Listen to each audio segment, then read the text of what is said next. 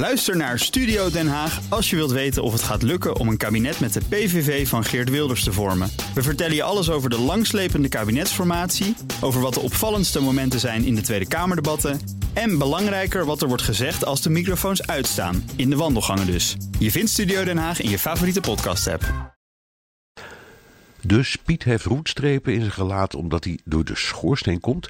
Sporen van fossiele brandstof in Nederland in 2018. Nederland moet toch van het gas af en kolen of oliestook, wie heeft dat nog? We leven nog in het tijdperk van de milieuzones, windturbines, zonnepanelen en warmtepompen. De ASO's, zoals premier Rutte ze noemt, roeren zich, maar waar is de milieulobby? Kortom, het jaarlijkse ritueel van de Zwarte Pietrellen is de waanzin ten top, met uit de voetballerij afkomstige bijklussende pro-Piet-hooligans als gangmakers. We horen wel in één keer bij het grote nieuws tussen de grote landen met hun grote hetses. Amerika heeft de migrantenkaravaan, Turkije heeft Gulen, Frankrijk heeft de vakbonden, Rusland heeft Brussel en Nederland heeft Zwarte Piet. De hoeveelheid aandacht die Zwarte Piet in binnen- en buitenland trekt is in elk geval naar journalistieke maatstaven enorm.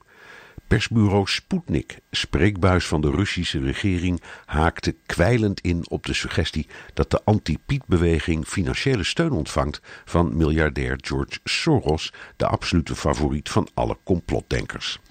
De Britse Independent noemt het rellen rondom de omstreden kerstmisfiguur, bekend als Zwarte Piet.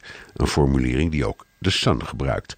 De New York Times wijst op provocaties, maar geen geweld van de kant van de anti-Piet-demonstranten. Het Vlaamse laatste nieuws veegt de pro-Zwarte Piet supporters op één hoop met Pegida en Geert Wilders.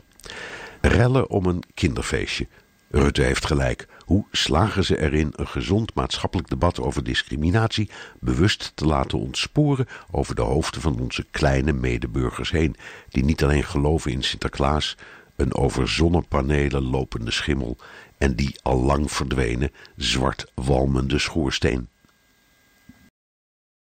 Ook Bas van Werven vind je in de BNR-app. Ja, je kunt live naar mij en Iwan luisteren tijdens de ochtendspits. Je krijgt een melding van Breaking News. En niet alleen onze podcast Ochtendnieuws, maar alle BNR-podcasts vind je in de app. Download nu de gratis BNR-app en blijf scherp.